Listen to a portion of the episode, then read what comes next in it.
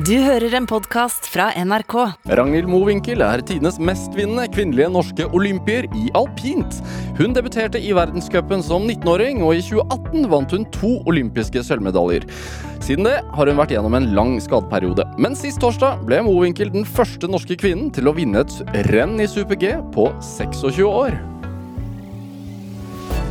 Dette er Drivkraft med Vegard Larsen i NRK P2.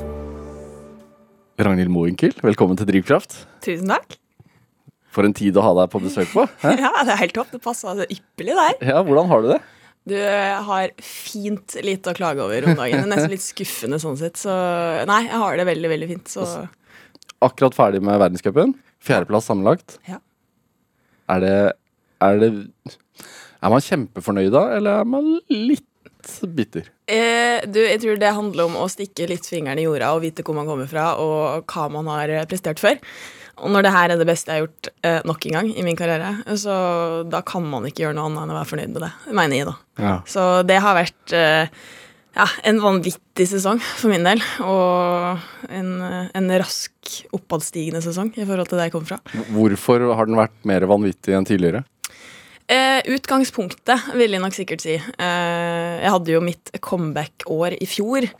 Og for dem som har fulgt med da, så var jo ikke det en høydare direkte. Eh, det var selvfølgelig ja, eh, bra på mange måter, men det var heller ikke noe sånn way tilbake. Altså Sånn som Alex driver, Ale, altså Alexander Aamodt Gilde om dagen. Han er jo helt villbass. Og det er jo dritkult for han, og jeg er kjempeglad for han, men han har jo også da Det har gått litt fortere for han da, enn det du kan si. Og så har vi jo to forskjellige skader også, så det er en litt annen situasjon. Men det, det på utsida, i hvert fall, så får man sett liksom at fy søren, første året rett inn, bang tilbake, vinn hele greia. Altså det, det er utrolig imponerende. Det er ingenting med det. Men eh, det har ikke vært min hverdag, da. Så da Ja, det har tatt litt lengre tid. Men samtidig så føler jeg ikke det har tatt så veldig lang tid. Hvor mange Altså En verdenscupsesong, hvor, hvor mange renn kjører man? Oi, det var et godt spørsmål. Oi, det veit jeg faktisk ikke, men sant? nok. Utrolig dårlig research fra min side. Jeg veit faktisk ikke hvor mange jeg har endt opp med å kjøre, men det tror jeg aldri har visst, sånn uansett, på et år. Nei. Hvor mange renn jeg har kjørt. Altså Fordi at noen andre tar seg av den logistikken, liksom? Ja, eller, er eller i mitt hode det er ikke så viktig hvor mange det er. hvis du skjønner. Altså det er sånn, Om det er 20 eller 15 eller 40, så har liksom For meg så vet jeg bare at hver helg fra typ eh, slutten av oktober til nå mars, så kommer jeg til å kjøre et renn. Ja. Så, men jeg har liksom ikke peiling om det ja, 28 eller 40. Det veit jeg ikke. Er Det det er kanskje rart. Nei, jo, det vet jeg ikke hvordan det er i alpint miljø. Man bryr seg ganske Men er det hvor ofte Hvor lang, altså, hvor lang pause har man mellom hvert renn, da? Ofte? Um, nå for min del, jeg kjører jo teknikk og fart. Det vil jo si, jeg kjører jo tre disipliner basse, Eller som regel altså samles tekniske disipliner på ett sted, og så har du fartsdisipliner på ett sted. Um, Tekdisipliner er jo som regel én dag, eller to dager. da sånn Og hva er det?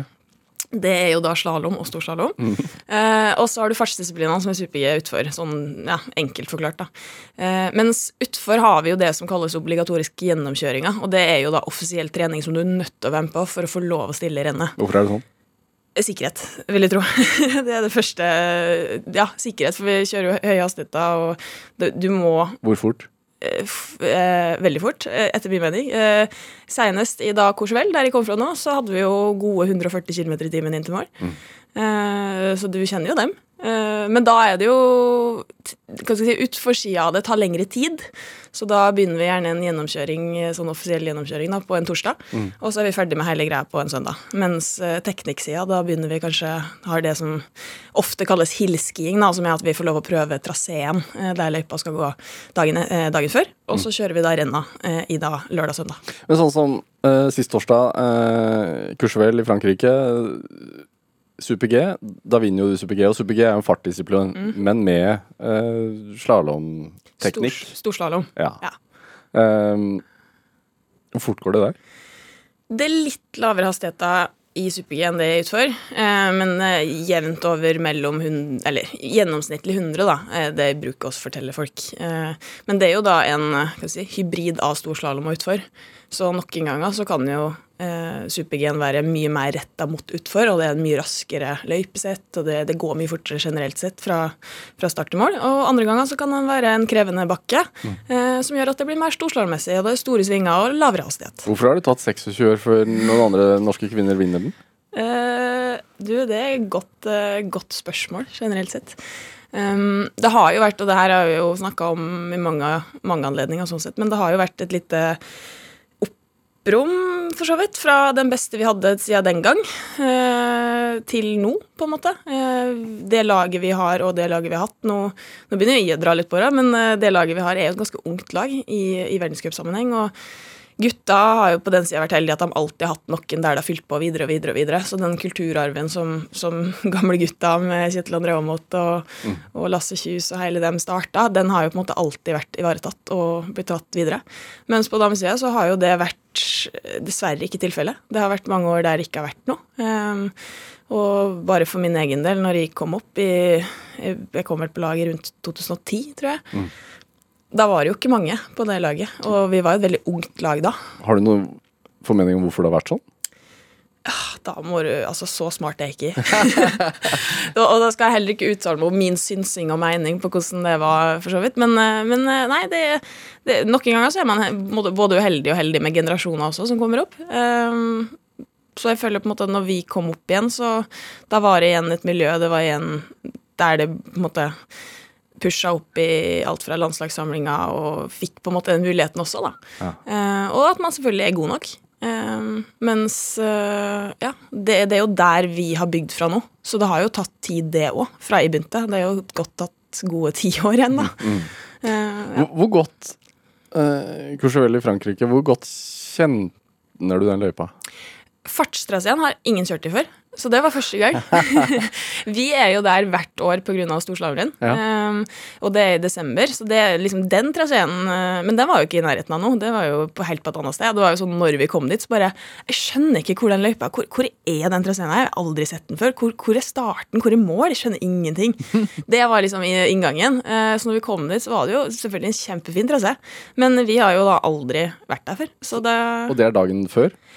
Uh, nei, vi hadde jo da utfor først, så vi starta jo med det. Og da er det jo samme trasé som Super-G går i. Så, men første gjennomkjøring, første dag i utforen, der var det jo bare sånn OK, hvor er vi igjen? Hvor skal vi igjen? Og så, og så var det jo en trasé der mye er likt på en måte. Så det er sånn, er jeg på første strekket her, eller er jeg på andre strekket? Og når svinga går bare høyre, venstre, høyre, venstre, så av og til så er det vanskelig å orientere seg hvor det er hen. Mm. Og det var litt av tanken første dagen der. Bare OK, er jeg på denne kulen nå, eller er jeg på den kulen under? Hva skjer etter den porten her som ikke ser lenger? Mm. Det var litt mer spennende. Men når du da har kjørt der i tre dager og kommer da til Supergen, så har du litt mer kontroll på, på løypa og traseen. Fordi men, men, det er vel sånn at hvordan du tar en sving øh, gir inngangen til neste sving? Altså Det er sånn, det er mm. ekstremt viktig at du ligger rett hele veien? Eh, ja, eh, veldig eh, Det er jo da linjevalget og det taktiske valget, på en måte. Ja. Um, selvfølgelig, man kan gjøre feil, men man kan fortsatt det vi kaller å dra med seg farta. Og selv om du gjør en feil, så har du høy hastighet, da. Uh, og noen ganger så så lønner det seg, til og med. Eh, men hovedpoenget er jo Det er jo så enkelt som at man skal komme seg fra A til B raskest mulig. Og imellom der så er det ganske mange hindringer ja, som du må komme deg rundt. For det er den enkle, det er den enkle beskrivelsen A til B, ja. Det er det jo. Eh, men så er det jo ja, løype, forhold, vær, sikt Det er mye andre ting som gjør at det blir litt vanskeligere enn bare å komme seg fra A til B. Da. Mm. Så, men det er jo det som gjør det gøy òg. Men, men hvor planlagt er det på forhånd? Og der er folk veldig forskjellige. Eh, det, ja, men I ditt hode? Mitt er det ikke så veldig planlagt, på en måte. Eller det høres feil ut, for det, det er jo det òg, men jeg tror nok kanskje vi har jo det som kalles en besiktigelse. Det er at vi får lov å skli ned eh, traseen i løypa, i sporet, mm. eh, veldig sakte. Vi fikk lov å kjøre den, da har du diska, men eh, vi får lov å se hva vi skal til, på en måte. Og så blir det jo den som takler det når vi da skal kjøre høy hastighet og full gass, best som som regel vinner. Mm. Uh, og for min del så er det jo Ja, det er det, jeg sier med at det er så utrolig mange forskjeller på besiktigelse og hva folk ser etter. Du har dem som Vi har jo hva det er, en time til rådighet eller noe sånt, der du kan gå gjennom, og da kan du jo gå musetempo nedover og se hver en liten detalj eller Går du aleine da, eller sammen med noen? Da har du trenerapparatet ditt, støtteapparatet, med det. Ja. Uh, så du kan bruke dem så mye du vil. Gjør du det? Uh, ja, til dels. Eh, jeg er jo veldig Der er jeg veldig egen. Sikkert veldig egen i forhold til veldig mange, men, men jeg, jeg, liksom det, som jeg alltid har sagt, at jeg er jo piloten. Ja. Så jeg er nødt til å vite hvor jeg skal hen. Ja. Og det at trenere, for de vil jo bare hjelpe, det er jo bare det, om å gjøre å få til det her best mulig. Så hvis de skal si 'kjør her', 'gjør ditt', 'vær der', og jeg ikke da er fullt innforstått med hva du mener med det, så er jo det feil, for da veit jo ikke hva jeg skal. Så det er jo mer det der at jeg, så Det er en sånn greie som, som jeg heller tenker på at når jeg kommer til Det kalles jo da posisjoner ved løypa, og så står jo et trenerapparat eller et trenere. Så er det veldig viktig for meg at jeg kommer og sier Hei, her nå ser jeg den her, det her partiet, det er kanskje vet ikke, fire porter eller noe sånt. Så jeg, I dem her så tenker jeg at det er sånn og sånn og sånn, du må gå sånn og sånn. Er viktig å kalle investere der eller gå direkte der? Hva tenker du om det? På en måte. Så det blir en sparring, og ikke så mye sånn Investere eller gå direkte, hva ja. det? Nei, det er jo da i forhold til besiktigelse og hva planen din blir, da. Hvis du skal investere, så kan det godt hende at du Ja. Ok, for, for å bryte det ned så godt jeg klarer her, uten at det skal ta en time å høre på, så er det jo eh, tilbake til A til B, ikke sant? raskest mulig. Så det vil jo som regel si korteste vei. Men fordi vi jobber med, med fart og friksjon og mye annet, så noen ganger så lønner det seg å ta en lengre vei, fordi da klarer du å opprettholde større hastighet enn å gå den korteste veien. Eh, og noen ganger da så er det det vi kaller å investere, som gjør at du velger å gå en lengre vei enn det som er For å få med deg mer fart? Nettopp. Ja. For å få med deg mer fart. Og hvis du skal gå direkte, så kan det godt hende at kanskje veldig mange andre har lyst til å gå da den lengste veien, fordi det ser best ut, mens du velger å kutte ned på den linja og gå raskere vei. Eller kortere vei. Og så når du vinner da med 500 deler, Ja, det er ikke mange centimeter. Nei, er, da har du investert rett. Det, det blei rett til slutt. Det blei jo det. Og vanvittig deilig å være på det viset i riktig side av de hundredelene. For det er jo nok av ganger du er på etter min mening, feil side av de hundredelene. Så jeg har jo ikke vært bortskjemt med, med seier av sånn sett. Så Men hva, altså 500 eller hva, Mm. hva Det er jo umulig. Er, hva kan utgjøre 500 deler? Altså, det er, Én sving, Ja. én ja. Altså, det er jo millisekund, da. Som den avgjørelsen du tar der, eller Ja, og til og med ting som du ikke planlegger. At du ble pressa på ting, eller du klarer ikke å kjøre der du har tenkt å kjøre, eller som gjør at da ender du opp med å ta kortere vei, selv om kanskje ikke det var planen. Mm. Men det vant du på, da. Så det er jo, altså det er jo detaljarbeid. Det er jo me meganerding på høyt nivå, men uh, samtidig så, så er det jo gøy når du da får det til. er det Hvor kontroll har du? Jeg liker jo å tro at jeg har ganske god kontroll, men det er jo mer av den grunnen at hadde jeg ikke tenkt det, så hadde jeg ikke turt å gjort det, på en måte. Eh, så det er jo Jeg tror jo det, det går jo som alt annet. Altså hvis nå vet jeg ikke hvor god du er på ski, da, men hvis jeg skulle ha sett det på en utforstart og se at vær så god, kjør så fort du klarer, Ja. så tror jeg du får følelsen at det her har ikke jeg kontroll på. Nei. Mens vi har jo da trent og trent og trent og trent så mye på det at det er ikke like skummelt for oss å gjøre det som det ville vært for det. Men derimot putter du med en motsatt situasjon. Der skal du lede drivkraft. Da er jo ikke Da er jo i daua. For det har jeg jo ikke kontroll på.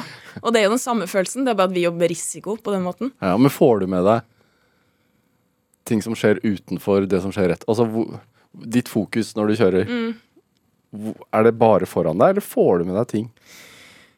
Det kommer igjen på hastighet. På en måte, Hvor fort går det? Det er flere ganger der jeg har tenkt eh, Altså, det, det her er en fascinerende greie, da. Men i utfor, altså den disiplinen der det går fortest Veldig ofte i den så har du mye det som kalles gliparti. da Der det bare det, det går fort, men det er ingenting som skjer. på en måte Du bare Du skal rett du skal bare, ja, du skal bare rett fram eller glir eller Og der har du veldig mye tid til å tenke. Så det er flere situasjoner der jeg bare sånn hm, Lurer på om løperen foran meg i mål nå, eller hm, skjer rett altså, der, ser jeg, «Oi, der står den treneren, ja. Da har du tid til sånne ting. Ja, så du får med deg det. Da kan du få med deg det. Men derimot når det skjer mye, at du må tenke eller du må ta en avgjørelse, eller et eller annet sånt, da er det jo kun det du tenker på. Men etter min mening også når du da kommer i slalåm, som er den disiplinen der det er mest borte og for, raskeste sånn, eh, hva heter det, eh, vekslinga på høyre-venstre, og det kommer mye på det hele tida. Da rekker jo ikke å tenke noe. Men da er jo også hastigheten mye lavere. Er det. Har du noen rutiner? Jeg har nok sikkert det. Startsrutiner? Ja, jeg har nok sikkert det, men jeg tror på en måte at de ikke er så låst. Eh, det er sånne småting som ja, det er på en måte det skal vi si. Det er ikke det at du er overtroisk, men mer sånn det har jeg alltid gjort, så jeg bare gjør det. Fordi det, det er greit. Eh, og det er alt fra hvordan du setter fram stavene på start, hvordan du går ut, pass på at brillene sitter godt på ansiktet idet du pusher ut. Altså det er sånn småting der. Men på en annen side så tror jeg nok jeg går litt mer på om ikke dagsform, så er det mer sånn ok, hvor rolig er jeg for det rennet her? Hvor stressa er jeg? Hvor nervøs er jeg? Eh, hvor avslappa er jeg? Eh, at det har mer å si på hvordan jeg gjør meg klar. Eh, sånn at jeg tror nok jeg har den friheten og eh, ja, muligheten til å endre litt mer. Enn, ja. Ja, fordi du har jo valgt et yrke, da, for å kalle det det. Ja, det er et eh, yrke. hvor, du, hvor du skal eh, Alt handler om hvordan du presterer på eh, de neste minuttene, eller de neste Mm. sekundene, rett og slett. Eh, så det er veldig små eh, ting som skiller eh, suksess fra, fra failure, da. Mm. Eh, hvordan jobber du med, den- med den motivasjonen? da? Sånn når du sier sånn du har Det handler om om du er nervøs eller ikke, og sånn. Altså, hvordan, hvordan angriper du det? Mm, jeg tror jo det igjen da det tilpasser seg litt. Det, det, det er litt ulikt for hver gang. Men jeg tror nok på en måte det blir alltid som Mitt forsøk å prøve å finne en balansegang. Merker jeg at jeg er skikkelig skikkelig nervøs for et område, eller skikkelig Da tror jeg nok jeg er veldig mye mer avhengig av at folk er nødt til å være rolige med meg, eller ikke stresse meg opp på ting som er vanskelig, eller på en måte Og da ja, En annen ting som, som jeg liker, da, det er jo Vi har jo folk med oss på start, på måte, om det er servicemenn eller støtteapparat eller og da er jeg veldig sånn der, ok, bare snakk med om andre ting. For jeg klarer ikke å tenke på den løypa. For hvis jeg tenker på løypa så mye, så blir jeg så stressa og så nervøs av det. Mm. det klarer jeg ikke. Kvelden i forveien, da? Nei, da, nei, da er, nei, nei, det er altfor lenge. det er altfor lenge unna, på en måte. Så det, det Nei, jeg er ganske sånn øh, Jeg har veldig kort øh, fokusperiode, så jeg klarer liksom ikke å tenke så lenge i forveien, for da det, det bare sliter meg ut. Eh, så er det liksom den dagen etter besiktigelse, da begynner jeg å bli stressa eller nervøs eller eh, men ikke så mye dagen før. Det kan eneste hvis du sitter og hører dagen før at 'Å, herregud, det er isete, og det er vanskelige forhold, og det slår', og Da kan jeg kanskje bli litt stressa for det. Men eh, generelt sett så klar, jeg klarer ikke å begynne så tidlig. da blir jeg så sliten. Men når du står på startstreken på eh, Sånn som du gjorde sist torsdag i Courcheville i Frankrike, altså, Mm. og det går veien, da. Men hvordan, var, hvordan er du rett før du skal ut? Der var jeg veldig rolig, og det var veldig deilig. Eh, det hadde Ingen også nerver? Veldig lite nerver. Eh, men det hadde litt også Vi hadde jo et eh, da renn dagen før, Ja. eh, og der gikk det jo også ganske bra for meg, på en måte. Så da var jeg liksom allerede Du får litt sånn derre uh, Nå har jeg prestert, og det er greit, og nå er det bare en ny dag og nye muligheter, og det er helt greit. Og så er det jo den store faktoren at det er slutten av sesongen. Det, det har vært en lang sesong. Man er sliten, man er klar for ferie, man er liksom klar til at nå skal det wrappes opp. Uh, og da er det også litt den derre Ja, nå skal jeg bare komme meg gjennom det her, og så går det greit. Og da tror du Ikke at man er passiv, men man må klare liksom bare å senke skuldrene litt. Slapper Ja, av? slappe av litt mer. Ja. Og da er det mye lettere å bare stå på ski. For det er det der presset man legger på seg sjøl på å prestere, eller presse for å få til det du har lyst til å få til, eller Det er jo der konstant. Men noen ganger så kan det være overveldende. Og det gjør at du låser det veldig. At du ikke klarer å få til det du skal få til. Så for min del så har jo slutten av sesongen gått vanvittig bra, også fordi at jeg klarer å senke skuldrene her. Og klarer å på en måte Nå skal jeg bare gjøre den tingen jeg skal gjøre. Og så får det gå som det går. Ja. Og det er min approach på det, for da vet jeg at hvis de klarer å tenke sånn, så er det da det går best. Men er det sånn at det psykiske har mer å si enn man tror?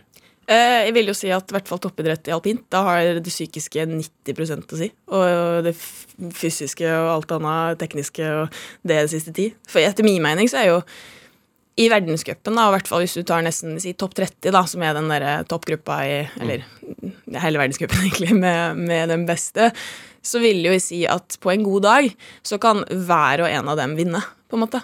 Men det er jo ikke alle som gjør det. Og det er i hvert fall ikke den samme som gjør det gang på gang. Hvert fall hvis du kommer litt lenger baki der. Nei, for man, den- har samme, man har samme utstyr, man har egentlig Ja, stått like mye på ski. Altså det er sånn. Ja, det, man har i hvert fall forutsetningene på veldig mange måter, og Ja. de forutsetningene er jo ulike. Men det er jo de samme som gjør det gang på gang på gang. Og det er jo der jeg føler at det de, det de skiller, er jo det mentale. På en Fordi de tror de skal vinne.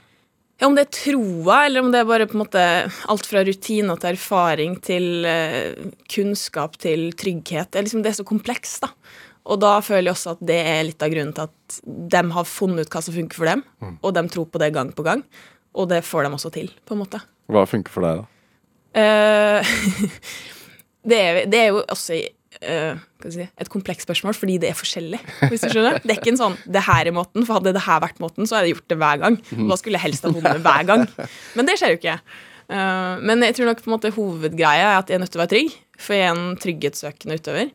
Uh, så når, med en gang jeg føler meg trygg og at har den der frykta og redselen under kontroll, Da kan jeg først begynne å tenke på det jeg faktisk skal gjøre. Er det bakken du snakker om da? Altså hva du faktisk skal gjennom, eller er det en, en annen usikkerhet du snakker om? Det er både det, men det er også den derre troa på egne, liksom egne ferdigheter, egen evne.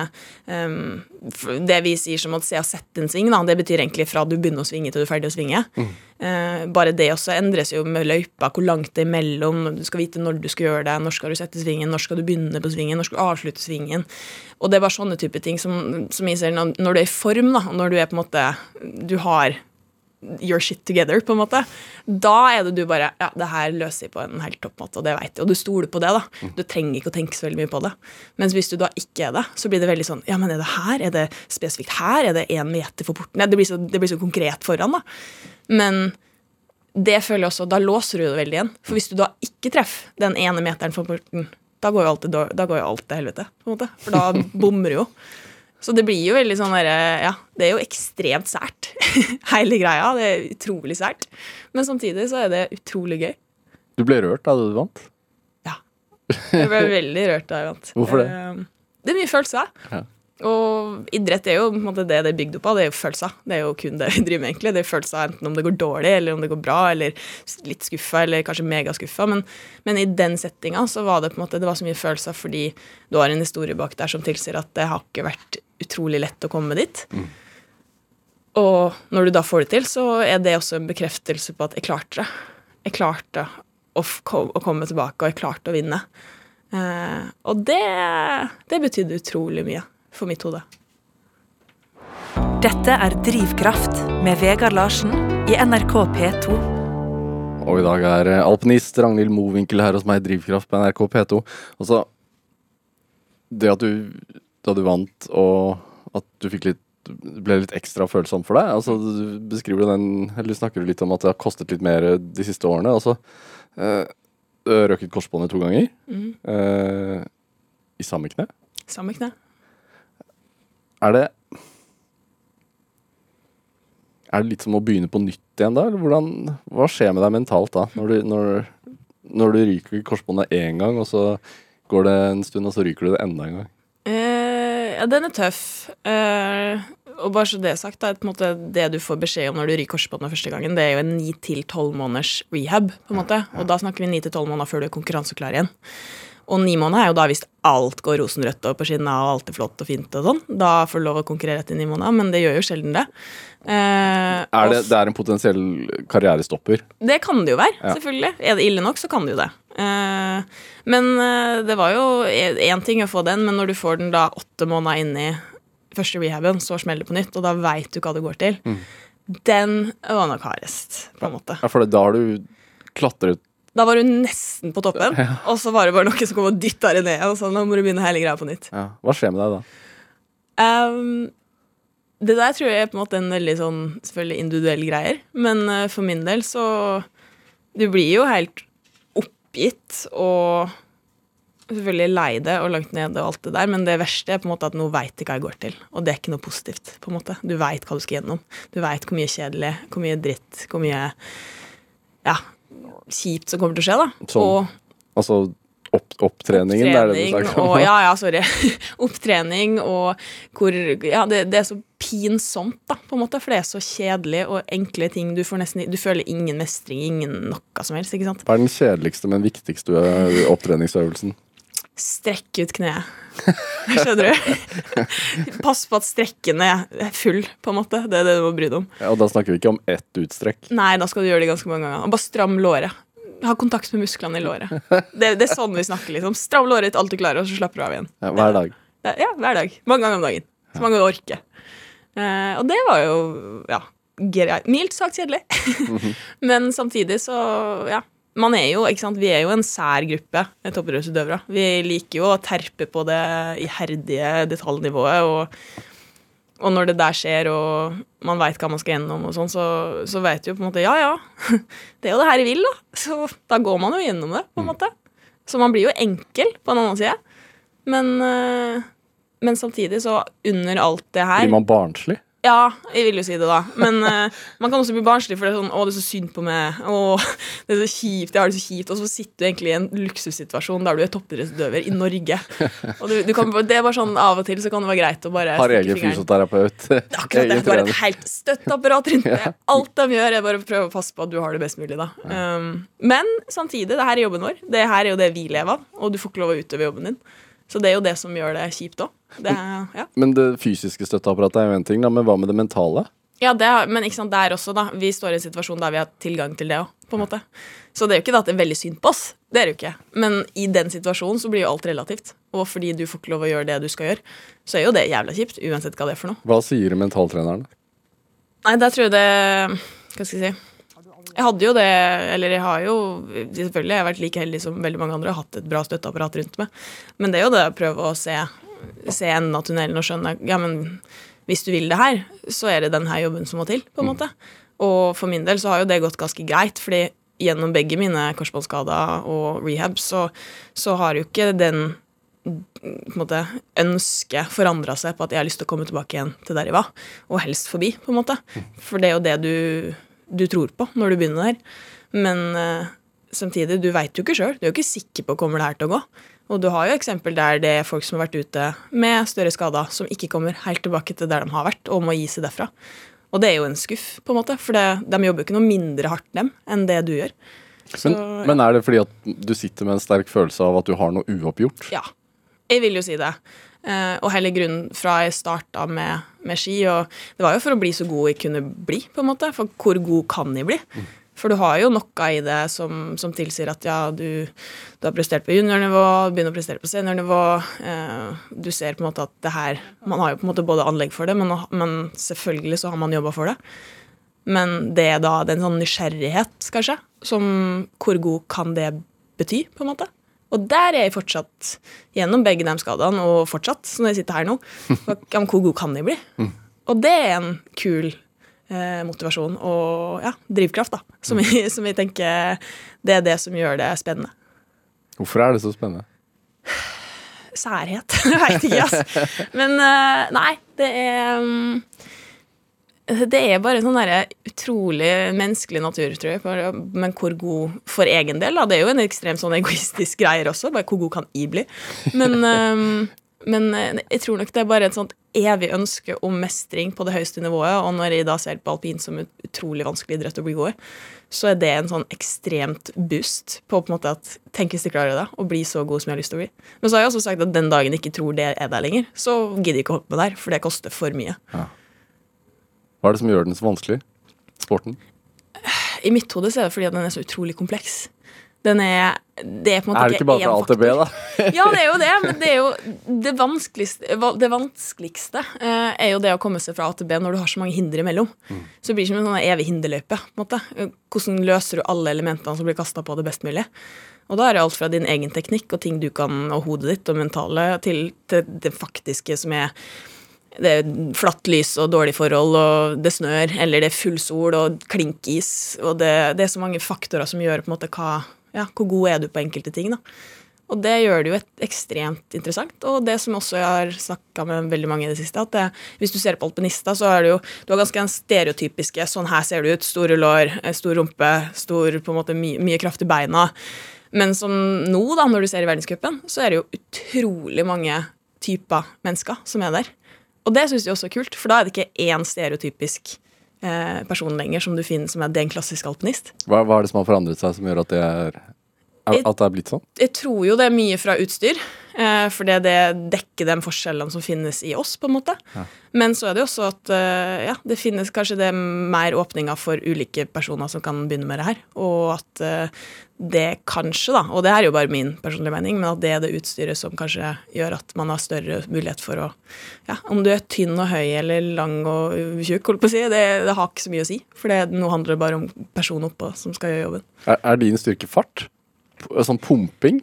Um, jeg tror nok jeg er en teknisk utøver, på en måte. Uh, men samtidig så tror jeg nok eh, Du ser jo når jeg er midt mellom to disipliner som er fart og teknikk, på en måte, så blir det at uh, jeg tror jeg har fordelen fra at jeg kan å svinge, og jeg kan den biten der.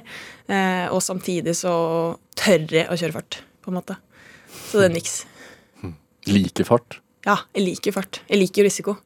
Samtidig som veit jeg at det kan være slutten på vita. På en måte. Men det er jo det som gjør det spennende. Men er det fordi at det gir et adrenalinkick? Ja, jeg tror generelt sett alle som driver alpint, og noe Ja, i hvert fall fart. At den redselen og det skumle med det gjør det at det er så spennende og så gøy. Er det sånn som når du har rød korsbånd to ganger og kommer tilbake igjen, er man Hvordan jobber man med det mentale at man ikke skal være redd for at det ryker en tredje gang? Altså, fordi hvis du er redd, så, som du sier, altså at det er veldig viktig at du slapper av for at det skal gå bra. Og en frykt vil jo gjøre at man ikke slapper av. Helt klart. Um, det er jo det som er det vanskelige, da. Og det er jo der jeg merker jeg har brukt lang tid. Uh, fordi jeg var redd så lenge. Og om det var konsekvensen for å gå gjennom det her en gang til, som jeg, jeg må gjennom det samme opplegget som jeg nå har opplevd to ganger før, eller om det er på en måte bare redselen for å skade meg. Og da er det uansett om det er korsbånd eller hva det er for noe som, som ryker, da, så, så er det jo på en måte den derre fine balansegangen mellom er redd for det, og så kommer det den derre er redd for å feile. på en måte. Jeg er redd for ikke å være god nok. Og jeg er redd for å på en måte ikke Overfor deg selv? Ja, og, og andre, selvfølgelig, men den største motivasjonen ligger hos meg sjøl. Jeg har ikke lyst til å feile, på en måte. Eh, men det gjør det også grunnen til at veldig mange som kunne ha vunnet ting, og kunne ha gjort det utrolig bra i verdenscup, ikke gjør det. For man tør ikke å prøve, tør ikke å gi det siste, som kanskje er det som må til for å komme helt dit opp. da. Du har kunnskapsnivået, du har evnene, du har skikjøringa, men, men du tør ikke helt å bare la det slippe til, da. For du er redd for å da feile med å ikke være god nok. Jeg så en sånn dokumentar om deg på, på NRK som ble laget for noen år siden, som handlet om uh, det å bruke vitenskap som metode for å bli raskere. Ja. Uh, hvor du hadde med deg et team med forskere, og de tok bilder av deg, filmet deg og analyserte alt fra utstyr til, til riktig vei inn i svingen. Og, så, og dette er folk som jobber tett med deg. Eh, og også støtteapparatet ditt De jobber jo tett med deg, men man hører jo aldri noe om de. Nei, og det er jo det som er både ja, det kjipe i det her, for de betyr jo vanvittig mye for oss. Eh, Det er jo dem som står oss nærmest, og det er dem som skal hjelpe oss med å få til det vi driver med. Ja. Eh, Men dem, det er utrolig mye som foregår bak kulissene, som ikke eh, vanlig mann i gata veit om, på en måte, med det vi driver med.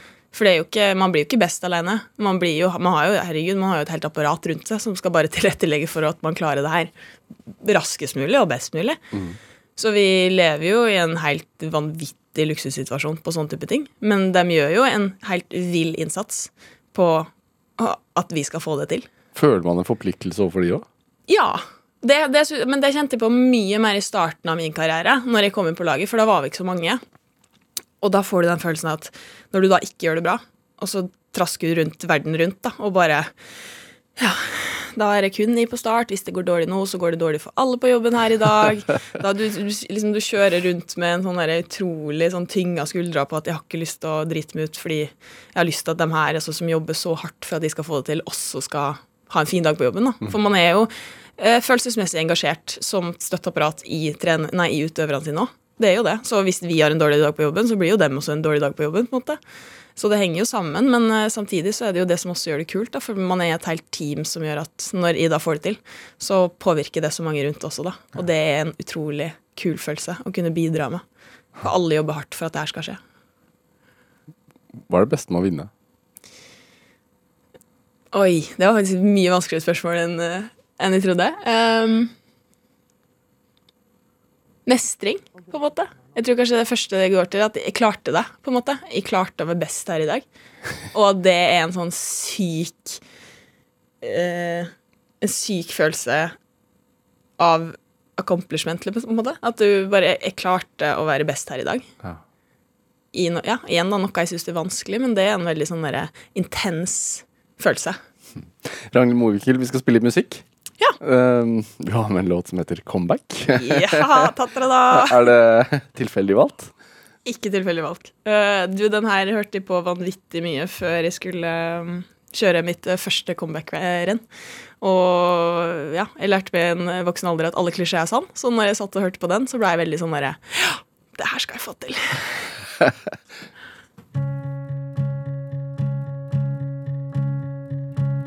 Run out of hard to say. You're broken down and tired. I know this world can make us feel so small. Sometimes it's hard to know where the right way goes.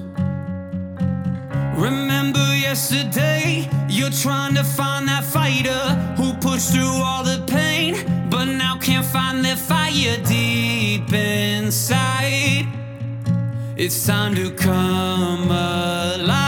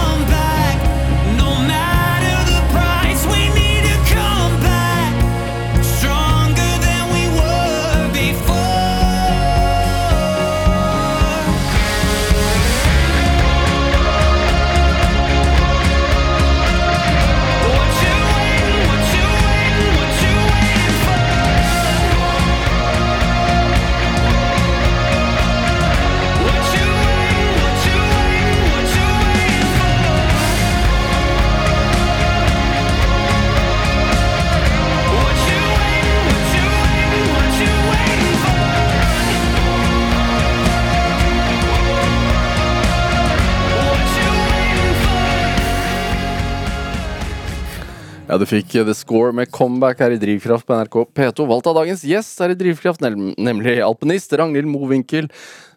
Blir veldig sånn filmatisk nå. Jeg tenkte på når du, når du sa det, når den sangen her kom på. Men, eh, ja, men eh, det er mer den derre som jeg føler at eh, det setter ord på veldig mange av de følelsene jeg har. Ja. Og om det er liksom ja, springe ned film og rise to the top, eller hva søren det er for noe. da Så jeg, jeg, jeg hører jo det sjøl, jeg, er ikke- døv sånn sett. Men, eh, men det, den var en veldig sånn Nei, søren, ass, jeg skal klare det. Jeg skal komme tilbake. Og den satte da ord på masse av den følelsene som jeg følte på. Og ekstra gøy nå, når du satt og hørte på den før alt skjedde, og du klarte det. Da er det ekstra deilig. Da, da kan jeg stå for den latta her. Ja. Er det, tror du du er født med konkurranseinstinkt? Ja. Utvilsomt. Men det har dabba de siste åra, på en måte. Eh, Jeg var utrolig konkurranseinspirert da jeg var liten, for da var det veldig sånn der Jeg må få det til. Jeg må klare det. Men på alle sider? Ja, da var det nok veldig mye sånn un universalt på alt. Ta Yatzy. tida på meg, da. Ja, okay, Eh, altså, det er litt sånn. Ja. Eh, og så, til eldre jeg er blitt, så har jeg merka at det blir mer og mer eh, hva skal jeg si, channeled med kun alpint. Og at nå er det ingenting annet som jeg på en måte har den konkurranselysta på lenger. Eh, foruten om å slå gutta, den er kon kon kon konstant der. Hvis det er en sånn derre 'jeg kan gjøre ting bedre enn det fordi jeg er gutt', da, ja, da fyres den. Men forutenom det, så er det liksom sånn Nei, nå bryr jeg meg fint litt om sånne type ting lenger. Hvordan var det i gymmen på skolen? Jeg tror det er slitsomt for gutta. det tror jeg nok. Men, eh, men nei, det var jo Ikke sant, jeg var jo em, atletisk fra jeg var liten, så jeg var jo heldig der. Og jeg spilte fotball med gutta på guttelaget fordi jeg syntes jenta var for dårlig. At det er liksom det er den derre uh, Hva skal jeg si uh, Jeg var jo veldig guttejente allerede fra jeg var liten. Eh, men da ble jeg også veldig utfordra fra jeg var veldig liten. Og at jeg vokste mye på det. Du er fra Molde. Jeg er fra Molde. Hvor i Molde? Nordbyen. Er du godt kjent? Nei, nei hvor, hvor, hvor, hvor, er det i forhold til Eh, sentrum, liksom? Nordbyen, Ja. nord for byen. Ja. Så enkelt er det, da. Med Oppå fjella, holdt på å si. Ikke fjell og fjell, men ja, oppå fjella fra, fra byen. Det nærmer Nærme mark og natur og, og alt det. Mm. Hvordan vil du beskrive familien din? Aktiv. F verdens flotteste folk, etter min mening. Men det er jo også en subjektiv mening. men eh, det er aktiv. Vi var alltid ute og gjorde ting. Og jeg har jo eldre søsken som, eh, som også var aktive, men de er jo, jeg er veldig attpåklatt. Så jeg kom jo ganske mye Hva vil det si? Uh, Søstera mi er 13 år eldre, og broren min er 9 år eldre. Og så kommer jeg, da. Um, men, uh, men dem var jo allerede langt inn i aktiviteter og idretter sjøl, så jeg tror nok jeg hadde mye gratis, gratis læring av å bare bli med dem på ting. For det, mamma og pappa måtte jo stille opp på dem, selvfølgelig. Og da ble jeg drassa med. Uh, men det ble liksom min barnehage. Og når de var på ski, så fikk jeg lov å fri, fri utfoldelse på det òg. Så det har jo vært uh, utrolig bra, mener jeg. Og da er det jo Ja, jeg tror nok det, det blei fyrt opp under både aktiv og leik og, og det som jeg syntes var gøy men at jeg fikk den friheten da, allerede som barn. Drev foreldrene dine idrett? Eh, nei, det var sånn turfolk, på en måte. Eh, aktive folk sånn sett, men mye da som er sånn fjellturer og den biten. Ikke liksom organisert idrett og Mamma drev av håndballspiller, da, så det, hun har den biten, eh, mens pappa er sånn gå på fjellet. Men i forhold til det mentale, da. Mm. Ble, du fortalt at Ragnhild, du kan bli hva du vil, du kan bli best i verden? Jeg tror ikke akkurat eh, du kan bli best i verden, eh, men eh, det var de alltid rause på, og alltid gode på. At du skal få holdt på så lenge du syns det er gøy, Ja. og du skal få holdt på så lenge det gir deg glede. Og at de alltid, i det, i det sekundet du ikke har lyst lenger, på en måte, så er det også greit. Jeg var aldri pusha inn i at 'kom igjen, å, nå er du så så god, så nå må du bli pusha videre'. på en måte. Det har jeg aldri kjent på. Så det var jo mitt valg, alltid. Og det gjør jo også at eh, ja, jeg føler at jeg har fått den friheten. Men eh, de har jo backa opp og fulgt og hinsides. Og mange syntes jo det var på randen av idioti til, av andre foreldre som, som fulgte opp. Men eh, Hvorfor det, tror du? Nei, hvorfor? De kjørte jo land og strøm for oss, da. Det er jo, herregud, de har jo så mange timer i bakke i Ja, vi har eldre søsken som drev med mye annet òg, så på en måte de har jo fulgt opp hele gjengen. Og at eh, de har vært så til stede i det vi har drevet med, har jo vært eh, Altså, tenk Hadde de fått barn nå, så hadde de jo ikke orka det i det hele tatt, for det var helt hinsides, det de drev med. Men på en annen side så skjønner vi også at det er glede for dem med å se hvor mye det gleder oss. Og det fyrer sikkert på det foreldrehjertet også. Ja. Så er det samlende for familien, da. Veldig samlende for familien, det er det jo. Og det å være aktivitet. Og de var liksom, vi vil heller å gikk en tur enn at vi skal sitte i ro hjemme og ikke gjøre noe, på en måte. Er det, hvorfor ble det ikke fotball, da? Det var jo et valg, det òg, da. Jeg slutta jo med fotball når jeg var 15, men eh, jeg tror jo at for min egen del så Alpint var på en måte Det var så mye Hva skal jeg si Jeg tror nok jeg fyrte mer på at jeg syntes det var gøyere, sånn sett. Og så er ikke en det er jo individuell idrett versus lagidrett. Og der tror jeg nok jeg både irriterte meg grønn og motsatt av at eh, andres prestasjoner, eller at jeg feila for laget, at det gjorde meg for mye til at jeg syntes det var på en måte verdt det. Ja. Så jeg, jeg tror nok jeg for min egen del være såpass egoistisk at jeg ville bare at mine failures skulle gå utover meg, og at eh, mine suksesser var på en måte dem, dem hadde jeg klart å få til. Hvor mye følelsesmenneske er du? Maks. Maks følelsesmenneske. Derimot, så Det her snakka jeg med samboeren min om her om dagen, at eh, når det kommer til alpint, så tror jeg nok jeg er mye mer rasjonell og logisk enn det folk tror. Mens i alt annet så kan jeg være ganske urasjonell og på en måte følelsesstyrt. Men, eh, men akkurat alpint det er på en måte akkurat som at det, der har jeg valgt med en sånn Ja, men her må jeg bare være smart, for jeg klarer ikke å lure meg sjøl, på en måte. Så det har vært en sånn Ja kanskje litt av grunnen til at det også har gått så bra det som det har, da, for det er ikke bare styrt av følelser hele tida. Men følelsene kommer jo når du ikke får det til, eller når du får det til. Så de er jo der hele tida. Eh, Men, eh, men jeg tror det er mye mer logikk og rasjonalitet bak det. Ja. En ventil? Det sånn at det? Altså, altså det blir kanskje en ventil også, sånn man får utløp for For å være faktisk rasjonell og logisk i livet. ja, kanskje. Kanskje det. Er det Fyrer du deg opp også? Mm, Ja, men jeg tror det her Her kommer søstera mi sikkert eh, Hvis hun hører på, så tror jeg hun Hun sier jo det at Ragnhild, du var mye mer sint. Du var mye mer sånn Du må få utløp for ting. Fordi jeg tror nok jeg holder veldig mye på den følelsene også, og spesielt sånne negative følelser. For jeg føler at ja, det hjelper jo ingen situasjoner at de skal stå og kjefte på det, eller at de skal eksplodere ut på det. Det hjelper jo ingen. Så da er jeg mye mer sånn jeg holder meg samla, og så skal jeg helst ikke fyre på den måten. For da føler jeg at jeg heller har klart å håndtert situasjonen enn motsatt. Mens hun er jo da, kanskje hvis jeg er maks, er hun over maks på følelsesmennesken. Så jeg tror nok det også har vært en sånn se på henne og lære og feile, og, og se på henne og i hvert fall lære.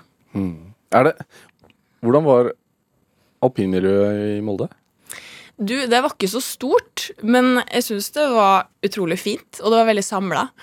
Eh, Vi var jo ikke mange som reiste rundt, og, og jeg ser jo det i forhold til sånn, det at jeg fikk lov å reise rundt, og fikk muligheten til å reise rundt så mye som jeg gjorde når jeg var så ung. For, Det tror- altså, ja, unnskyld. Ja, nei, da, da tror jeg på en måte at det var et bra miljø for foreldre også, og det gjorde at det også selvfølgelig gikk.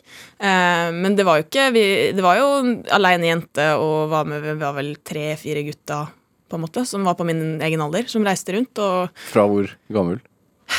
Ja, når du begynner med sånn hva det ble, barnrenn, kretsrenn um, Altså, Med en gang Tussen da, og Hjemmebakken ble på en måte den Du skulle ut på fylk, eller ja, kretsrenn, da, og Stordal og Sykkylven og alt det der, så da er vel man, jeg vet ikke, alt fra 10-12-14 opp dit år.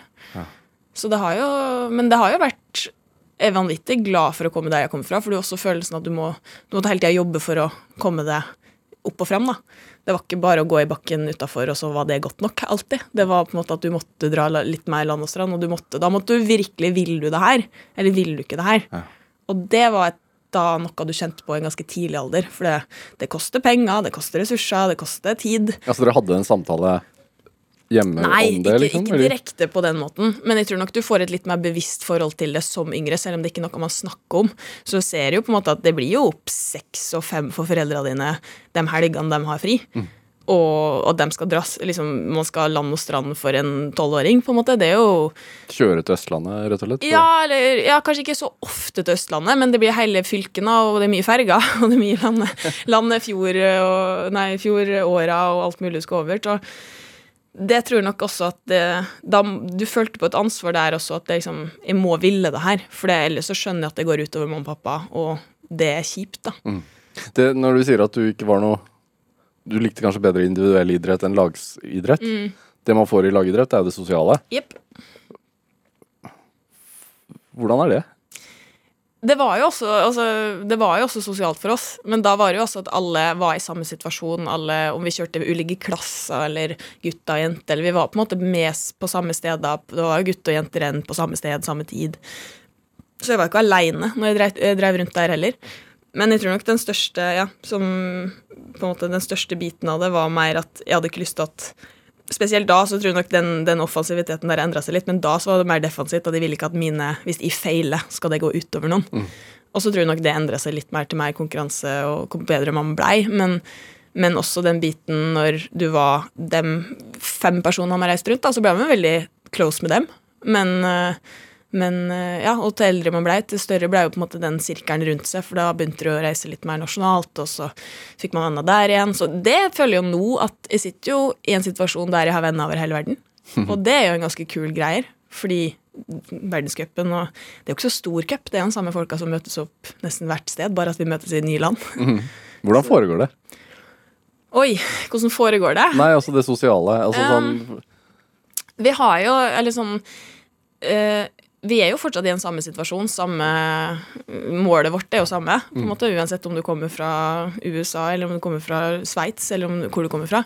Så er det det å bli best i verden. Men samtidig så jeg tror nok vi har en sånn iboende Jeg ser hvor hardt du jobber, og jeg veit at du jobber like hardt som meg for å få det til. Og da er man også ekstra glad på andres vegne når de da får det til. For man veit sjøl hvor mye man jobber for det her. Og så er det jo det at man velger jo, man velger jo vennene sine òg, litt mer. Fra, og så ser man enkelte nasjoner er mer lik seg sjøl, eller hvordan de tenker, og andre ikke det. Og det, det er også ganske interessant. Så jeg føler at du blir mer åpen til folk, på en måte. Og at man ser at folk er forskjellige. Og det er også en veldig fin greie. Er det du, du sa jo nesten på direkte TV at, du, at det siste OL ble, ble, ble ditt siste. Mm. Var det planlagt? Det var planlagt i den forstand at, eh, som jeg sa til alle rundt der også, for tror den kom, den kom ut av det blå for alle der, men for min del så har det vært mer en sånn Du veit når du er liten, og så går du ut i gata og leker, og så visste du ikke at det var siste gangen du gjorde det, på en måte. Mens for min del så var det mer sånn Jeg skal vite at det er siste gangen jeg leker det i det OL her, på en måte. Det her er min Og den vil jeg sette pris på, og den vil jeg være klar over. For det er veldig mange som ikke får det valget. Og om jeg hadde skada meg igjen, si at jeg ikke har sagt det, og så har jeg skada meg i år, da, eller neste år, eller når enn det, og så visste du ikke at det var din siste mulighet. Så det synes jeg også på en måte, det betydde mer for meg å vite og stå for og være klar over enn det å på en måte ikke si noe, og bare at det ikke skjedde allikevel. på en måte. Klarte du å nyte det? Jeg syns det. Og jeg, jeg syns jo det, og nå gikk jo ikke det sånn Det gikk for all del bra, men det var jo ikke nye medaljer og fullt opplegg og oui, sånn sett. Så jeg tror nok jeg satte ekstra pris på at du har den muligheten, og du får lov å stå her og representere landet ditt, og for min del på tredje gang. Og jeg har muligheten til å prestere her. Så er det opp til meg om jeg gjør det eller ei, men, men at man har den muligheten, da. Og det var kult. Føler du på det? At du har liksom flagget på brystet? Ja, det tror jeg. Det tror jeg alle som er på landslag føler på. Fordi, og det er jo det man ser med idrett. da. Det er så mange som engasjerer seg. Det er så mye følelser fra folk som sitter i sofaen. Du, du ser jo dem som hopper i sofaen, dem som Nei, nei! Og detter på gulvet av prestasjoner som de, det er av folk som de ikke kjenner. da. Det er bare, Og det ser man om det er langrenn i Norge eller hopp eller Karsten Warholm altså Alle gjengen. da, Det er så mye følelser som er knytta til idrett, for det er jo underholdning. Og da er det jo ekstra det at jeg kjenner at ja, mine skuffelser blir landets skuffelser, og mine gleder blir landets gleder. Så det er jo også en ganske sånn spesiell situasjon å være. Og det vi driver med, er jo ekstremt målbart. Ja. Så det er jo ja, Hvis du har en dårlig dag på jobben, så kanskje ikke det hovedsida på VG at du feila. At det også er jo også en, en sånn Ja, greit. Men samtidig da, så får du også det gode med det, som er at eh, du har vunnet, og da er det hovedsida på VG, og alle bare Way! Dritfornøyd. Det er jo en surrealistisk Det er jo en surrealistisk greie. Ja, ja. Er det Men men når du da har sagt at ditt altså, Så det betyr jo at i løpet av de neste fire årene Mm. så kommer du til å legge opp. En eller annen gang inni der, ja. Det er sjukt. Men hvordan er det når drivkraften din har handlet om det samme hele veien? Siden dette programmet heter Drivkraft, da, Ja. så må du jo redefinere den. Det, det blir jo det, men jeg tror det kommer til sånn krysningspunkt der at den drivkrafta er ikke sterk nok lenger på en måte, til å drive med det her.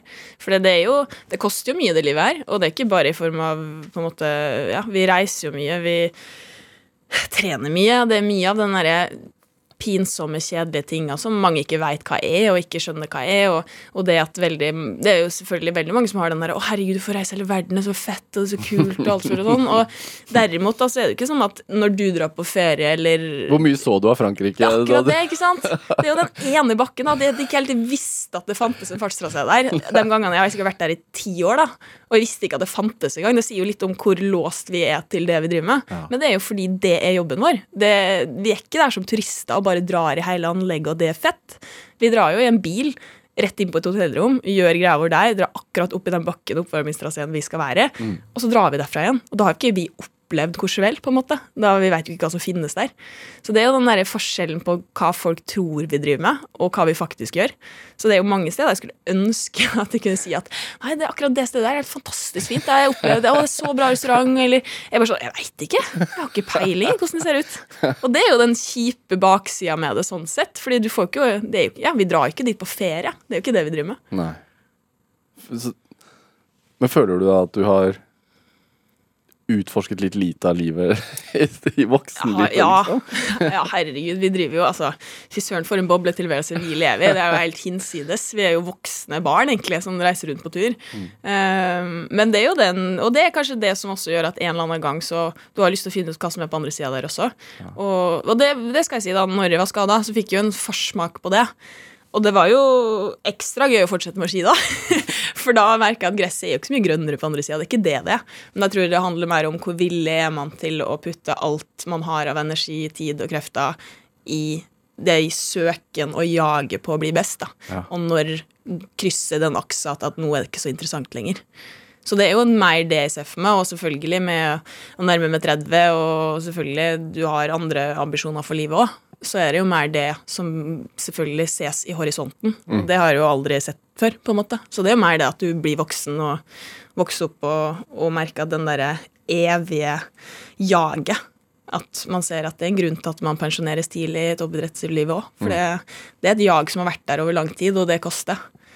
Og selvfølgelig med det man har gjort og vært gjennom, og spesielt skademessig, så gjør det jo også at du har, du har noen begrensninger nå som du kommer til å ta med deg resten av livet òg. Ja, fordi du sa at du følte at du begynte å bli en del av den liksom eldre garde. Ja, og det er jo sant. Eh, når man ser på verdenscupen nå, så er det jo ikke jeg er jo ikke den, den yngste som er der, på en måte, men eh, jeg nærmer meg heller å være den eldste generasjonen som står og kjører verdenscup på toppnivå. Um, og det er jo bare rart i seg sjøl, fordi jeg er vant til å være ikke sant, jeg er jeg er vant til å være den yngste gruppa, jeg er vant til å være, og plutselig så står man der og er eldst. Og da tenkte jeg bare hva skjedde nå? Kanskje et dumt spørsmål, men det er jo sånn vi avslutter disse programmene. Hva, hva er drivkraften din, eh, Ragnhild Mowinckel? Nå så er det jo fortsatt uh, ja, motivasjonen og det som ligger i uh, hvor god kan jeg bli, Ja. og mestringa, jaging på mestring. Det er på en måte Man har fortsatt uoppnå ting man har ikke oppnådd ennå, som man har lyst til å oppnå, og det er tanken bak det å få det til. Har du noen tanker om hva du skal gjøre etterpå? da? Utrolig godt spørsmål. Jeg veit fortsatt ikke hva jeg skal bli når jeg blir stor. Hva skal du gjøre? Nå er det jo snart pause, da. Nå er det snart pause. Du har ett. NM igjen, og så er det pause. Hva skal Ja. du gjøre da, da? Åh, nå skal jeg bare på ferie. jeg skal bare langt unna snø og sånne type ting. Så akkurat nå skal jeg bare ta, og, ta det med ro. Det er målet mitt nå. Blir du lei snø? Ja. Veldig, veldig lei snø.